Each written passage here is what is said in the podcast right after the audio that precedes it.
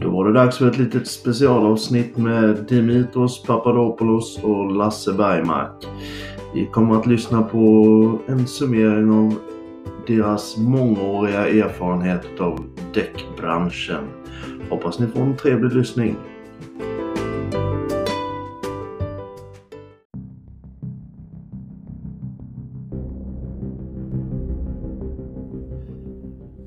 Välkommen till Bilverkstadspodden som presenteras av mig, Mikael Bergvall, tillsammans med Nordens största branschorganisation, Sveriges Fordonsverkstäders Förening.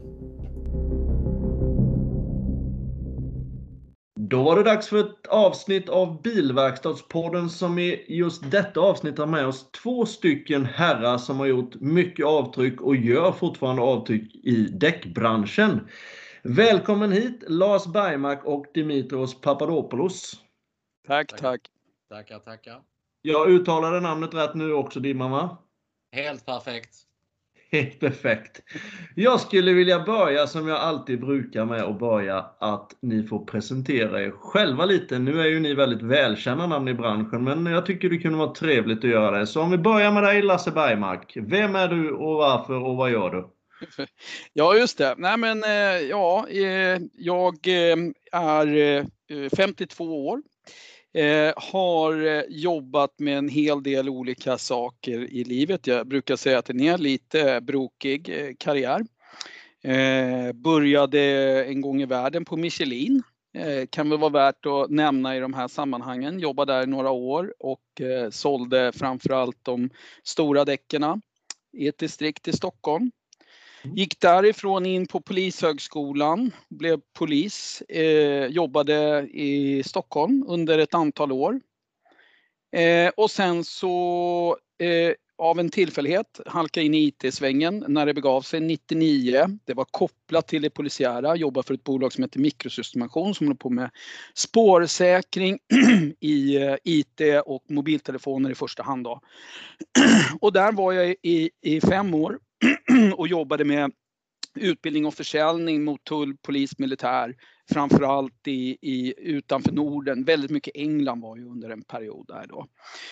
Sen tyckte jag väl det var klar med det. Då sökte jag till Goodyear och så var jag på Goodyear i, eh, i eh, ungefär sju år. Och det var där jag träffade också min kära vän Dimitrios eh, för första gången.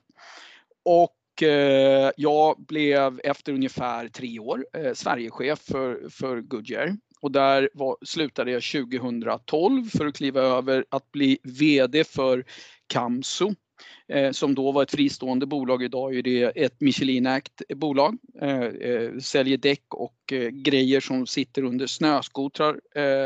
däck som flyttar gods och grejer till snöskotrar kan man säga är Camsos specialitet när jag hade börjat där kan man, kan man väl enkelt säga, då, då påbörjades också en rekrytering till Pirelli där jag har varit fram tills eh, årsskiftet i år. Jag har varit på, på Pirelli i ungefär åtta år, lite knappt åtta år. Och de senaste tre åren har jag varit eh, eh VD, nordisk VD för Pirelli. Men det uppdraget är avslutat så för närvarande så har jag inget operativt eh, arbete i däckbranschen. Eh, jag har fortfarande en del uppdrag i branschföreningar och så som lever vidare så får vi se lite vad det tar vägen. Eh, men sen har jag då parallellt jobbat en del i styrelser utanför däckbranschen. Och jag arbetar bland annat i styrelsen för Svensk Fastighetsförmedling och i ett bolag som heter Matera som är ett retail-ägarbolag. Mm, mm. Mm. Härligt, Där härligt. är jag min karriär så att säga. Mm. Jajamän. Vi kommer att gräva lite djupare i den framöver här men vi övergår till Dimitros. Hur ser din karriär ut och hur ser ditt liv ut?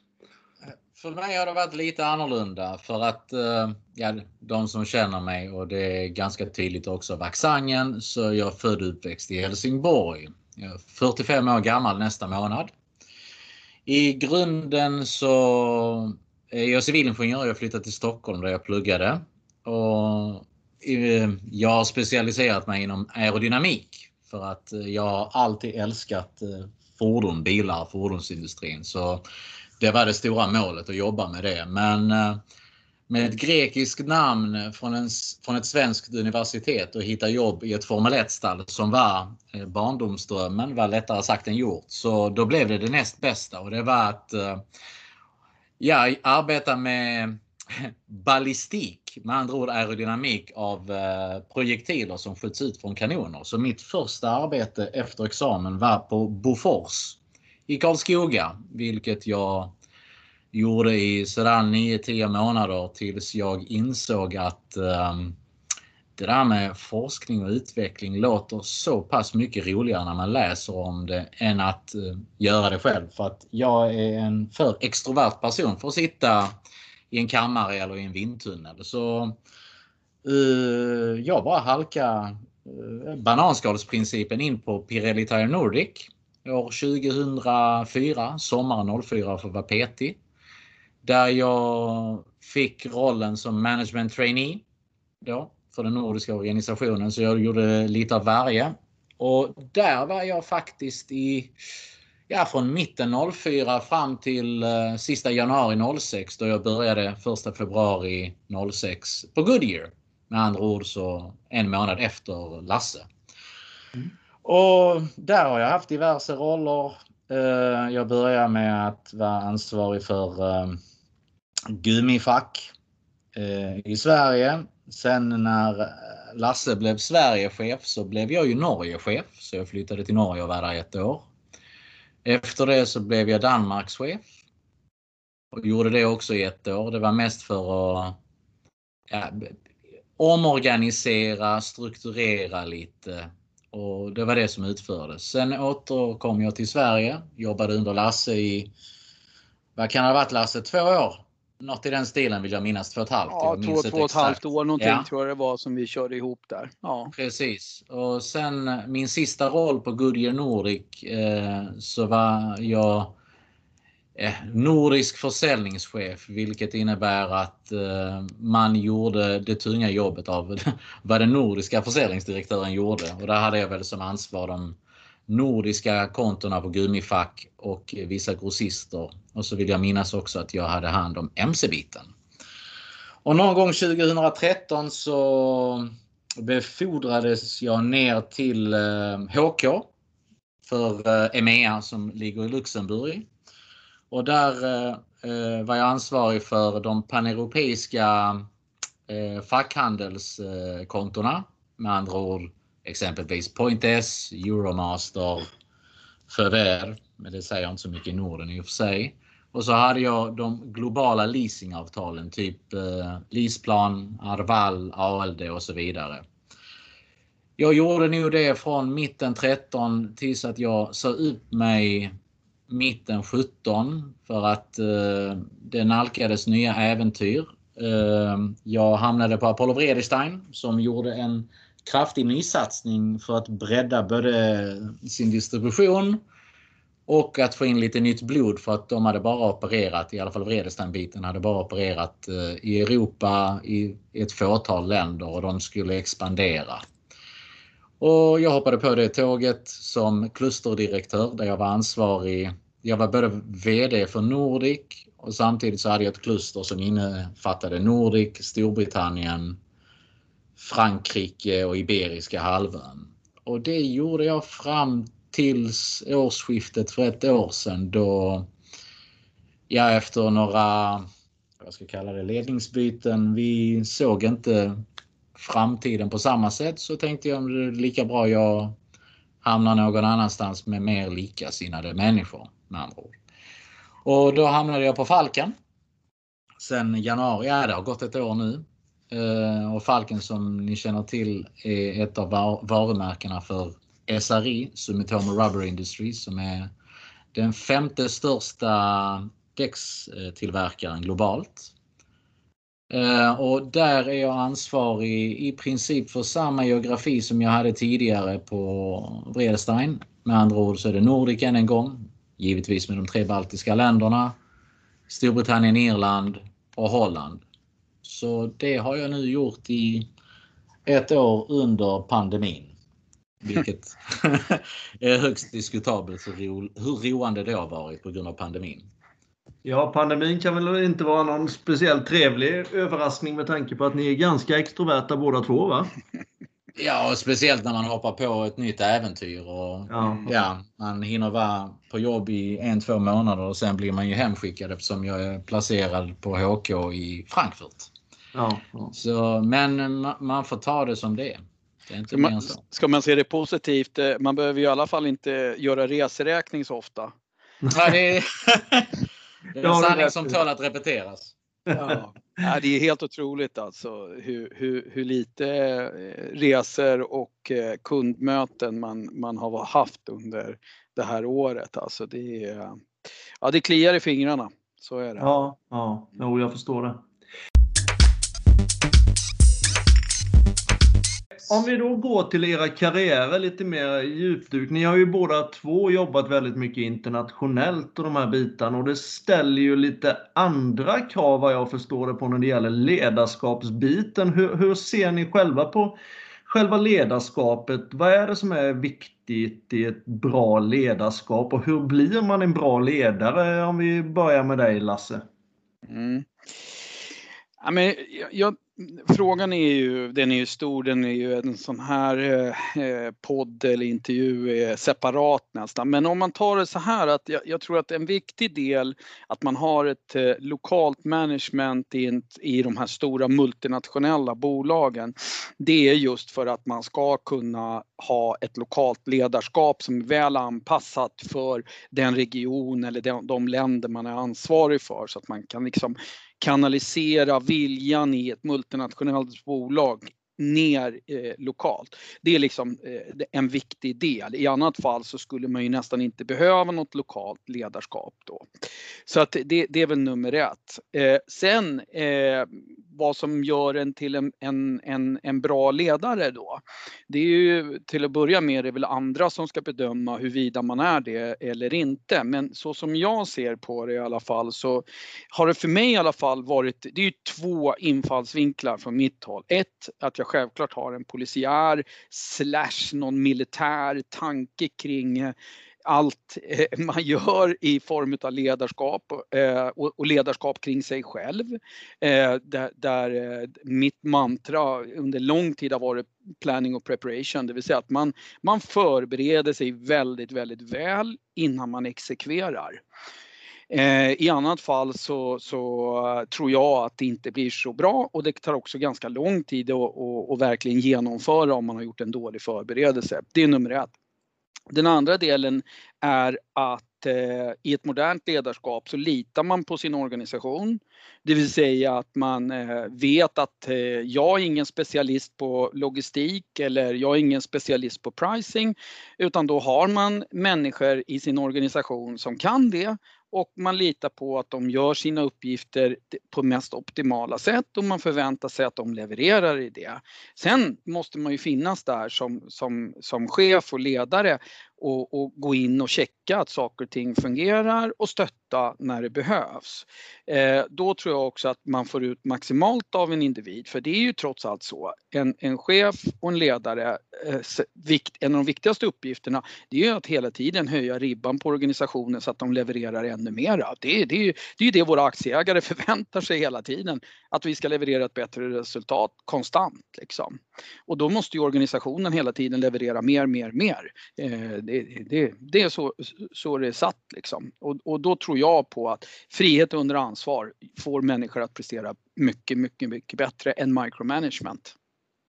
Det låter väldigt, väldigt bra. Vad säger du Dimman? Uh, ja, utan, att bli, utan att låta alltför repetitiv uh, så i princip så har jag samma inställning som Lars. Det som skiljer oss kanske lite vid det, det kanske den uh, så, så som Lars definierade det, den militär eller den polisiära aspekten. Jag, jag kanske inte har riktigt den eh, ådran på samma sätt men som sagt ledarskap är väldigt brett. Och i synnerhet när vi pratar om internationellt ledarskap. För att en av de viktigaste läxorna jag fick lära mig var redan när jag hamnade i Norge. Som landschef Norge. För att eh, det är väldigt enkelt för en centraleuropé att generalisera att exempelvis alla skandinavier. Det är i princip samma typ av folk. De resonerar likadant. Men det är jättestor skillnad med hur, mellan hur en svensk och en dansk förhandlar eller en norrman förhandlar. Eh, ett ja i Sverige kan vara ett nja medan i Danmark så är det oftast ett ja. Nu övergeneraliserar jag givetvis men där eh, för mig är det mer kulturellt eh, där ledarskapet spelar en roll om du befinner dig i en internationell miljö. Exempelvis ta de två extrempunkterna. Jag menar, jag hade nöjet att leda samtidigt den spanska eller den iberiska organisationen under, eh, med, med, min för, med min förra arbetsgivare. Och om man jämför vilken ledarskapsstil man måste ha rent kulturellt jämfört med Sverige, det är dag och natt. Och det är en viktig faktor att ha det i åtanke att man inte kan leda exakt på samma sätt från land till land. Det är stora skillnader på hur folk eh, tar dig som person, eh, vad, vad du menar när du säger någonting och så vidare. För det finns väldigt stora utrymmen för eh, diverse tolkningar och allt är kulturellt. Så det är väl det enda jag hade velat tillägga på i stort sett det Lars poängterade. Mm, mm. Eh, jag känner ju båda två. Jag har ju träffat er många gånger genom åren i, bland annat däckbranschen då, och eh, ser ju er två som ja, både stabila och professionella herrar, måste jag ju säga. Eh, när det gäller de personliga egenskaperna, vad, vad, vad, krävs det för personliga egenskaper om man vill ut och testa sina vingar främst då? För man, man jobbar ju liksom inte i trygga Sverige bara utan vad, vad krävs det för ja, egenskaperna helt enkelt och vad krävs av familjer runt omkring och, och de här bitarna för att göra de här satsningarna ni har gjort i karriären? Mm. Alltså Dimitrios har ju varit eh, och bor ju eh, i, har bott utomlands eh, många, många år och, och så och, och varit mycket, mycket tajtare i det. Jag har ju på något vis agerat i Sverige och varit ansvarig för Norden och, och så. Eh, så Dimitrios har säkert ännu mera infall i det. Men det är klart att liknelsen är våra chefer och, och så är ju på något vis internationella och alltid eh, varit det. Eh, och, och, det är väl det som också jag tror Dimitrios eh, försöker uttrycka då fast kanske lokalt Sverige och Norden och så. Att man måste ju också förstå de kulturella skillnaderna i ett ledarskap ifrån en, eh, en eh, som är född och uppväxt i, i, i Milano eller i, i, eh, i något annat land. Eh, så att jag tror att den, den är rätt viktig att, att bära med sig och det är en, till viss del en politisk miljö som man också måste förstå. Mm. Och att det är ibland väldigt, väldigt stora beslut som tas och som får konsekvenser lokalt som man kanske själv inte alls tycker är de absolut bästa. Eh, och, och, och, men mm. trots allt så är man ju där för att man har en egenskap som ska kunna förvalta de besluten lokalt och det måste man acceptera för ska man ta slåss mot väderkvarnarna liksom hela tiden eh, och, och, och, tro att man ska kunna vinna de striderna i stora multinationella bolag, eh, då kommer man inte då blir det jobbigt. Samtidigt ja. får man ju inte vara vek så att man hela tiden slår tillbaka utan man måste ju stå upp för, för det som man har ansvar för och berätta det för bo, bolagets ledning att det här tror jag skulle funka bättre hos oss lokalt i Norden. Så av den anledningen tror vi att vi ska gå så här. Ibland går det, ibland går det inte och, en, och då blir det lite så här floskler nu då men choose your battles. Det är liksom lesson number one tycker jag. Att du måste bestämma dig för vilken strid du tar. I annat fall så orkar man inte. Ja. Vad säger du Dimitrios som simmar i det mer än vad jag gör? Liksom? Nej men alltså jag, jag bara väntade och hoppades på att du inte skulle säga pick your battles, vilket du gjorde för att jag hade precis laddat med att säga det direkt. Men det stämmer till 100 procent. Eh, sen givetvis så skiljer det också från bolag till bolag. Ja, andra är mer extrema i det du beskriver och det finns andra bolag som är mindre extrema. Men i stort sett befinner du dig i en internationell miljö så är det väldigt viktigt att uh, du väljer dina strider. Och det är inte, för att använda ännu en sån floskel, det är inte striden som är det viktiga, det är kriget man vill vinna. Va? Om vi nu ska fortsätta med metaforer. Ja, så är, så är det Definitivt. Så är det. Och, på, och på frågan om det där med att befinna sig i en, i en internationell miljö med familj. Nu har, eh, ja, eh, jag är ju gift sedan eh, fyra och ett halvt år tillbaka är det nu va? 2016 ja. Eh, och varit sambo med då Petra sen 2000, ja hösten, nej förlåt, 2010 kan vi säga. Så det är ju drygt 10 år och den här resan utomlands började 2000, mitten 2013 som sagt. Och det viktiga är att man är väl överens med sin partner om vad som gäller.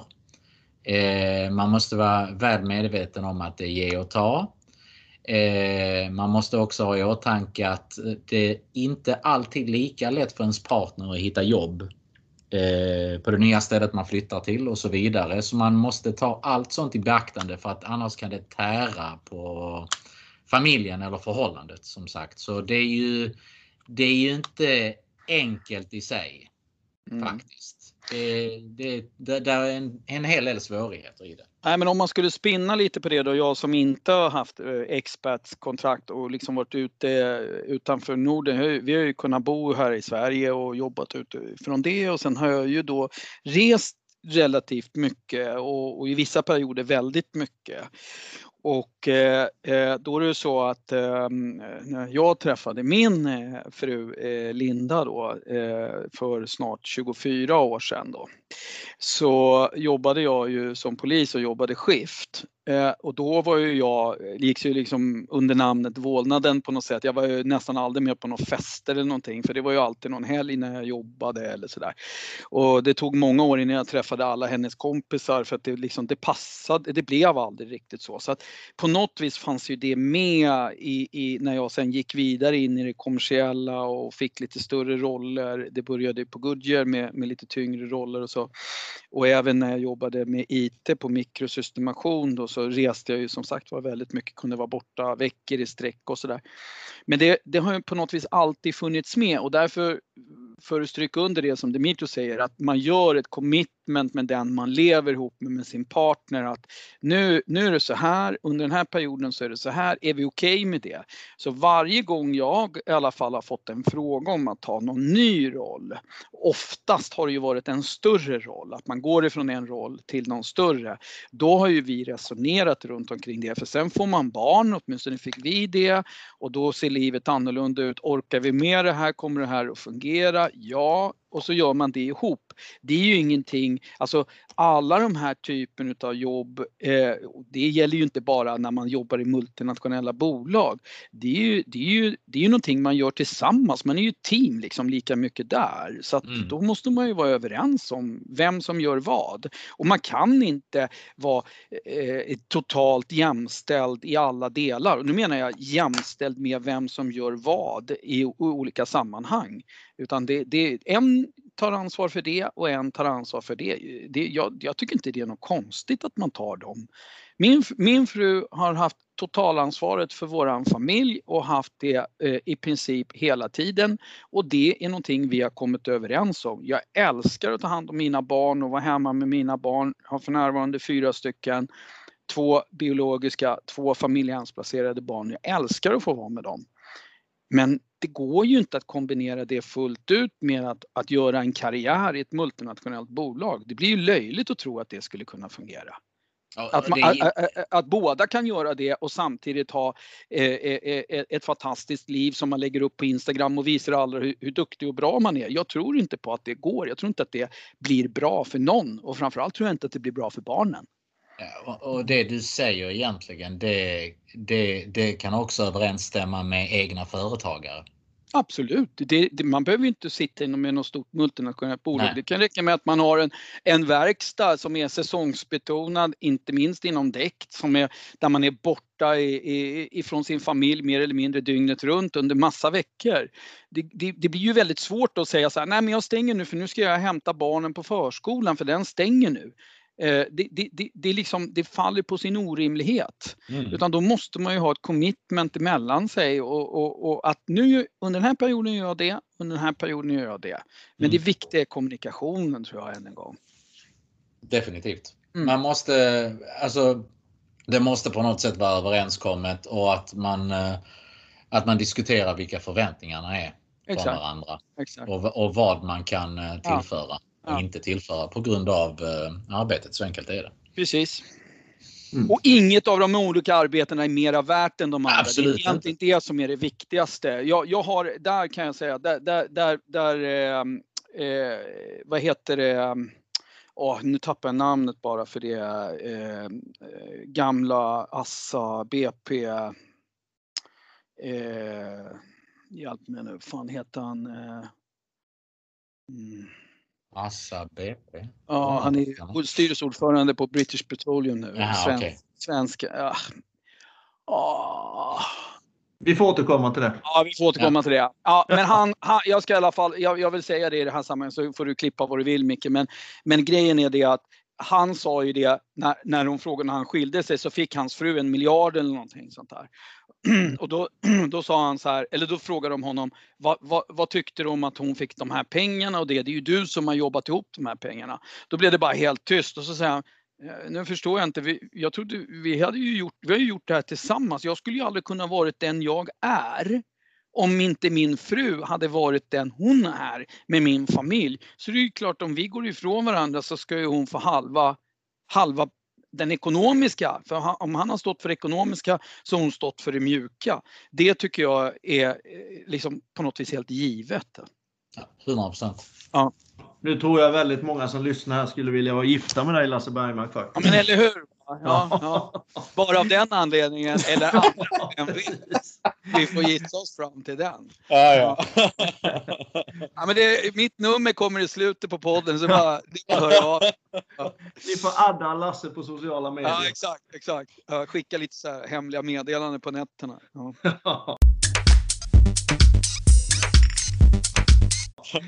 eh, om vi då går över till eh, lite utav eh, kärnfrågorna här som jag har. Då är det ju däckbiten då som jag är framförallt är väldigt nyfiken på. Varför ska en verkstad, ja varför ska en verkstad helt enkelt jobba med däck? Vad säger du Dimman? Alltså, först och främst, det är, det är en, det är en trygg inkomstkälla för en verkstad.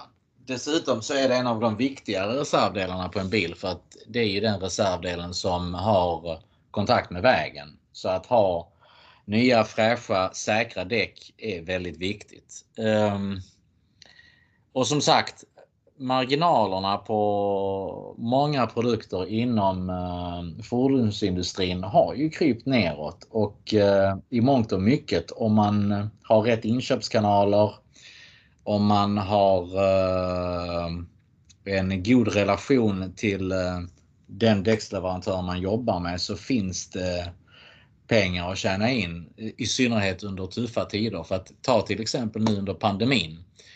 Eh, det är många som har fått eh, dra åt snaran rent ekonomiskt och då kanske man inte nödvändigtvis går till en märkesverkstad. Man kanske går till en alternativ verkstad eller en eh, kedjeverkstad som är märkesoberoende. Och det finns kunder för, eller vad säger det finns eh, kunder för alla verkstäder i den bemärkelsen att det är bekvämt samtidigt att göra allt på ett ställe än att behöva kanske bara gå och byta däck eh, på en däckverkstad eller vice versa. Så att jag tror definitivt att där fordonsindustrin är på väg med med lite, vad ska jag kalla det, utmanande marginaler och så vidare så kan det vara en god marginalförstärkare. Och dessutom det är som sagt en väldigt viktig säkerhetskomponent på en bil. Jag vet inte om du har någonting att tillägga eller om du ser det annorlunda Lasse? Nej, jag, jag, jag tror eh, om man ska lägga in lite framtidsspaning in i det också så är det väl klart att eh, Ehm, den framtida bilen eh, kanske behöver något mindre underhåll än vad, vad nuvarande bilpark eh, kräver. Nu kommer ju det ta en rätt lång tid. Men eh, däck eh, är ju såklart en förslitningsdetalj som, och precis som Dimitri säger en, en, en, en väldigt viktig säkerhetsdetalj som hela tiden måste vara up to date.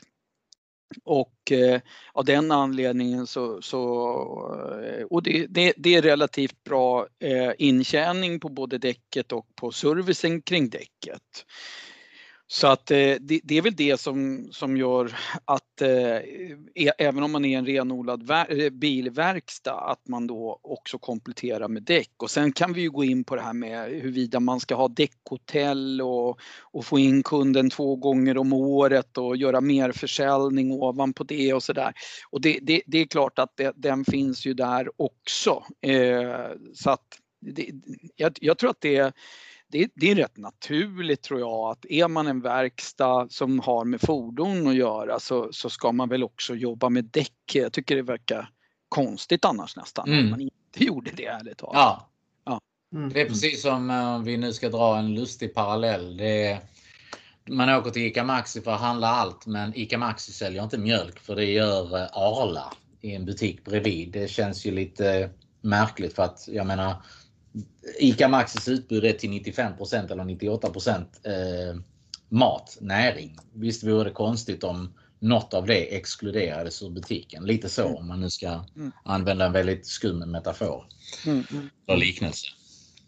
Om vi fortsätter spana på det här med, med framtiden och framtidens däckverkstad och fordonsindustrin generellt. Hur, hur, hur ser det ut? Alltså hur, hur hur tänker ni kring det här med exempelvis elbilsidan och det här för produktion och eh, och eh, kraven på däcken kommer ju att förändras ganska radikalt framöver. Hur tror ni att det kommer att se ut? Kommer däckmarknaden att breddas, öka eller kommer det att bli mer, eh, ja, att det blir mer fokuserat på vissa märken eller hur, hur tror ni? Ska du börja Lasse? Ja det kan jag göra. Ja, men, som sagt, jag, jag, tror att det är en otroligt viktig del utav det arbete som om man nu har en ledande roll för en däcktillverkare så måste man verkligen fundera på de här eh, banorna. Vad, vad, sker framåt? Och, och det är klart att det, det är väl någonting som, som jag har gjort eh, väldigt, väldigt mycket. Eh, och jag, i det jag ser utifrån ett, eh, vad fordonstillverkarna är på väg och vad man gör och vad, vad, vad, vad utvecklingen av fordonen kombinerat med affärsmodellerna. Det vill säga att vi, vi, vi ser eh, kapade led. Eh, vi tar Tesla som ett exempel som de flesta känner till, att man eh, tillverkar bilar och sätter dem i marknaden på olika sätt och vis. Man har inget återförsäljarnätverk emellan sig och, eh, men man måste ju trots allt ha någon sorts service och så runt omkring det.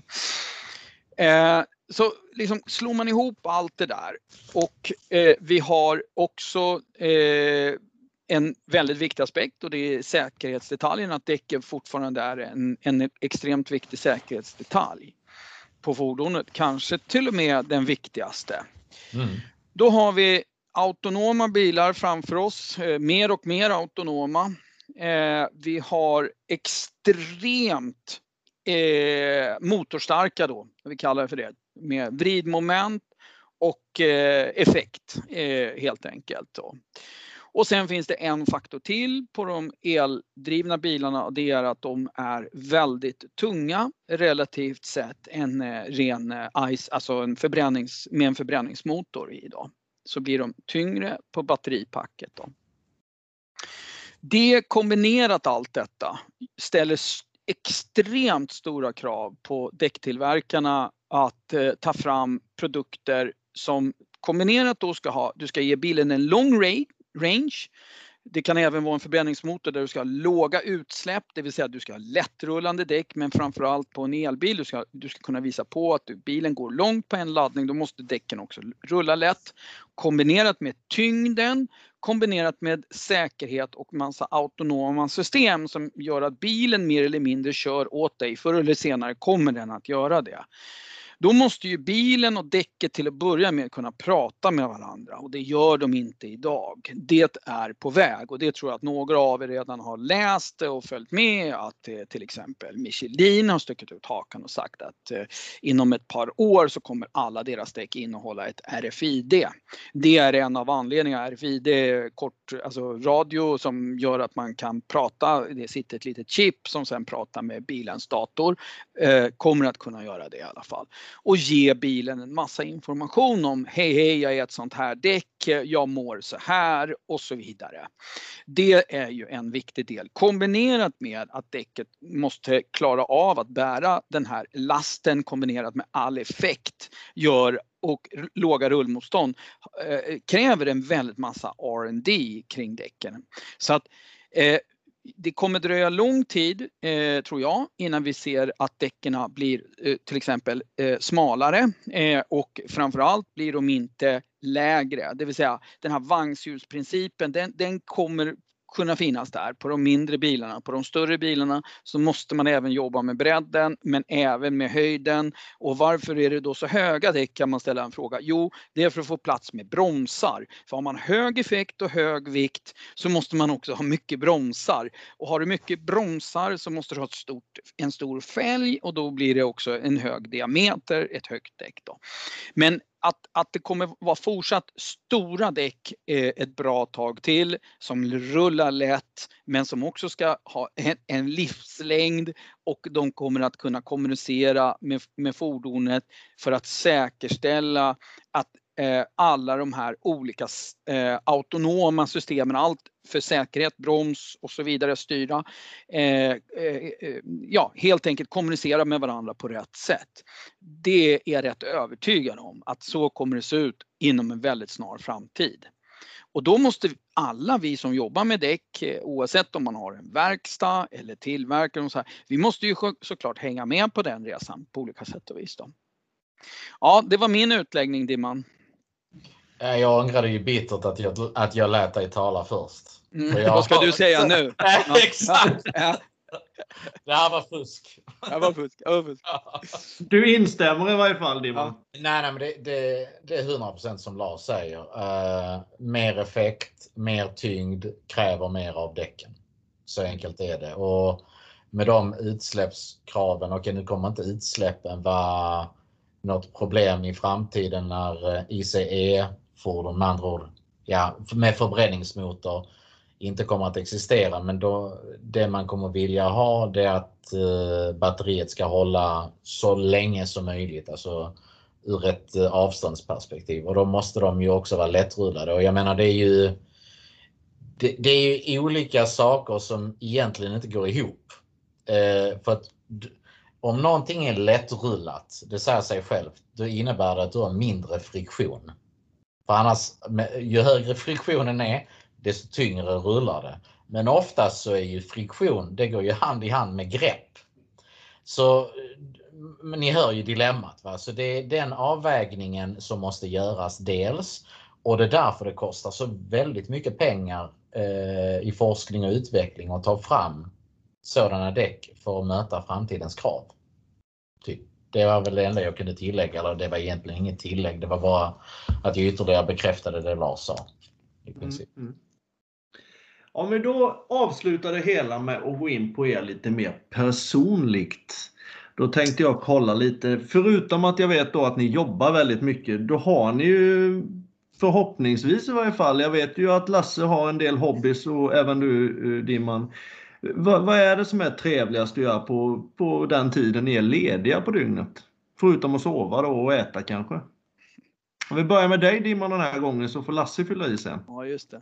Skönt. Ja, ja för att, eh, jag orkar inte höra på eh, Lasses präktiga träningsliv och så vidare för då, då får jag bara ångest.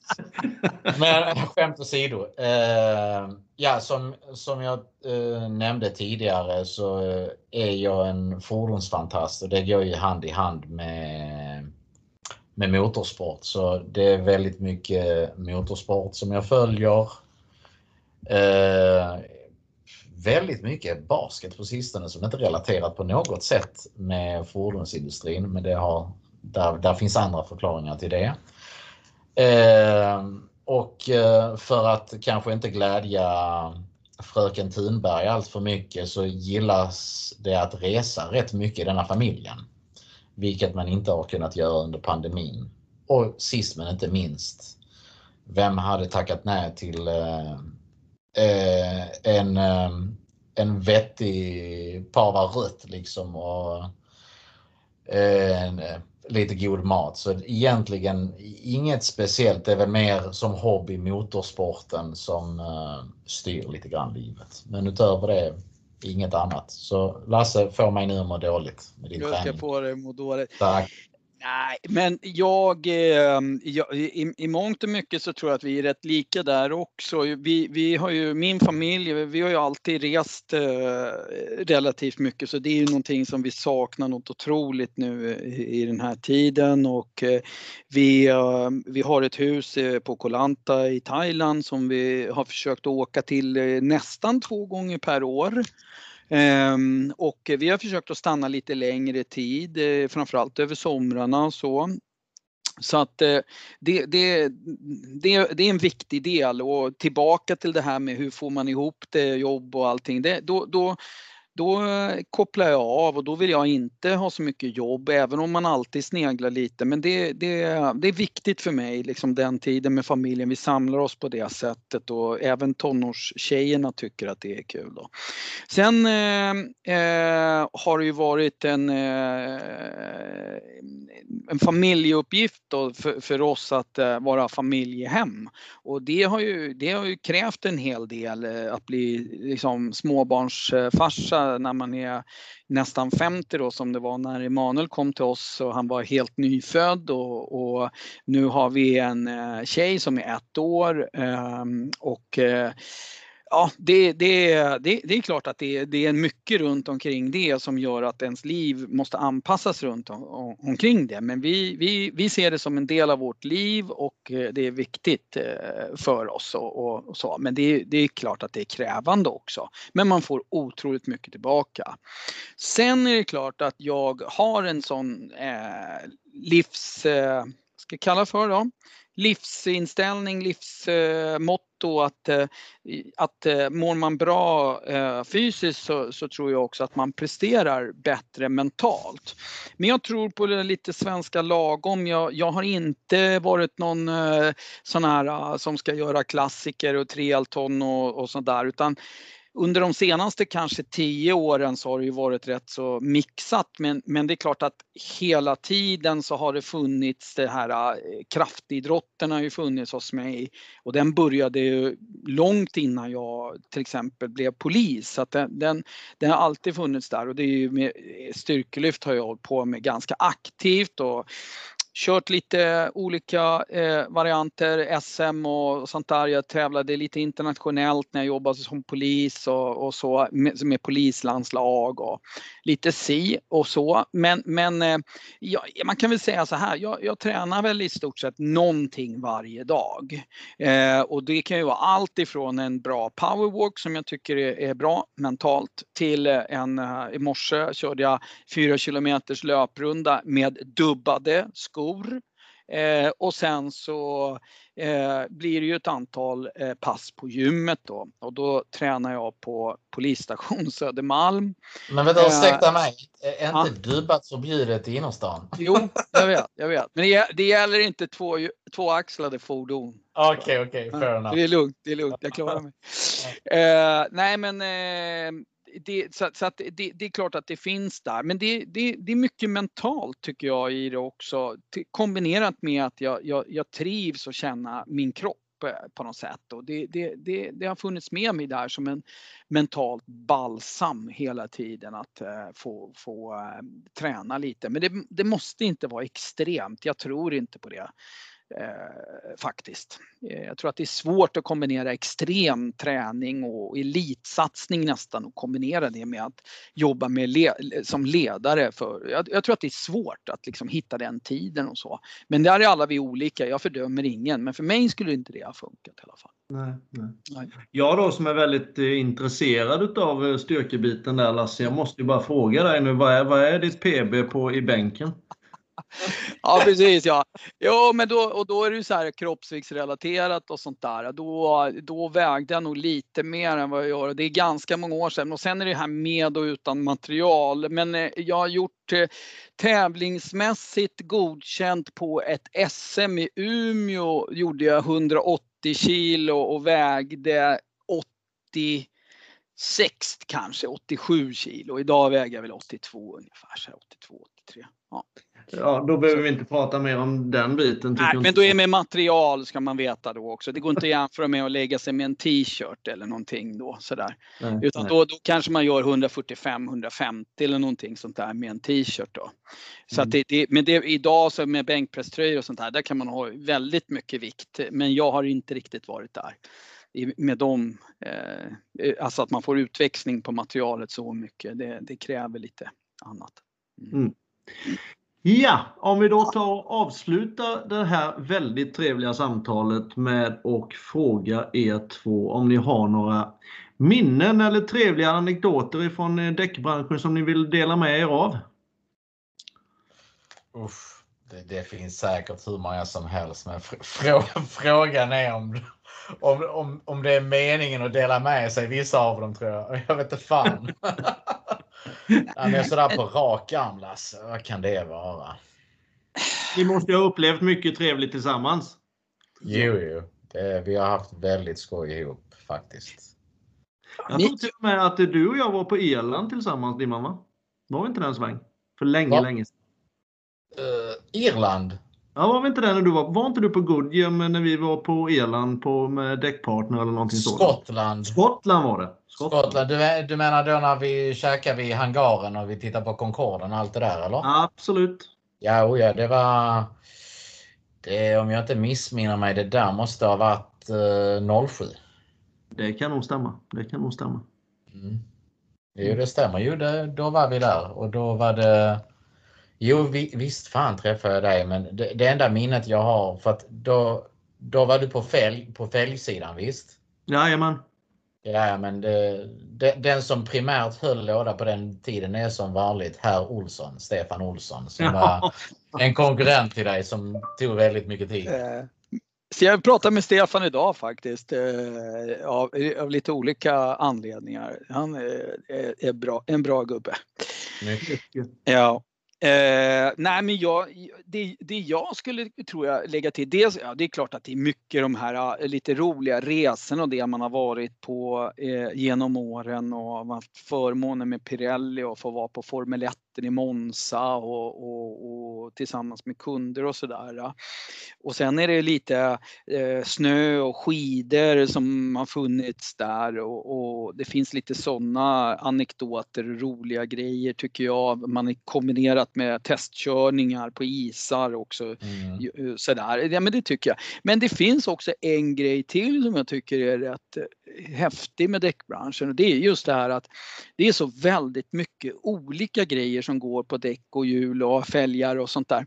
Så att eh, har så minnen eh, och varit i, i eh, dagbrottet i Aitik och sett de här stora maskinerna rulla runt där uppe uppe och varit nere i gruvan i Kiruna långt under jorden, flera kilometer och tittat på maskiner och lastbilar och, och, och så.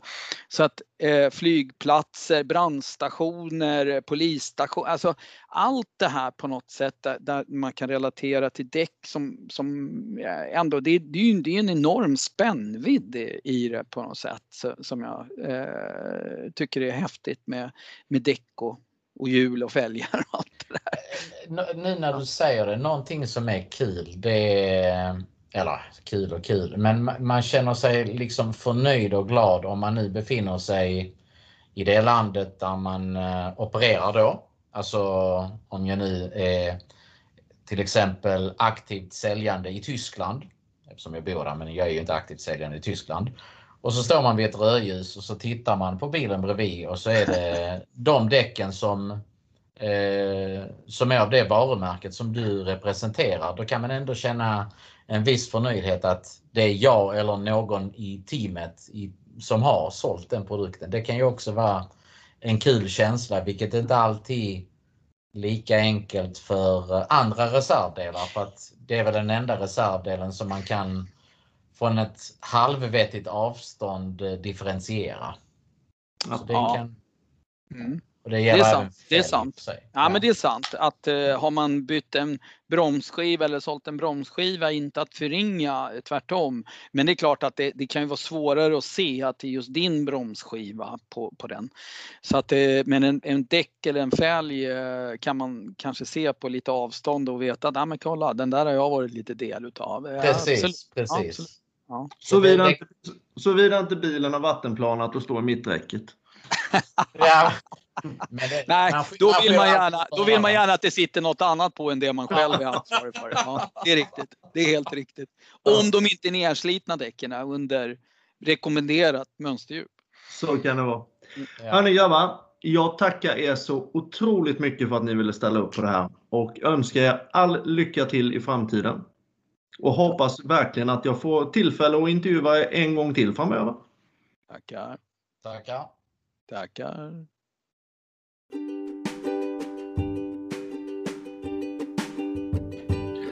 Ja, då var det lilla samtalet över med Lasse Bergmark och Dimitros. Hoppas ni tyckte det var en trevlig liten stund framför datorn och hoppas ni fortsätter följa Bilverkstadspodden. Ha det så bra!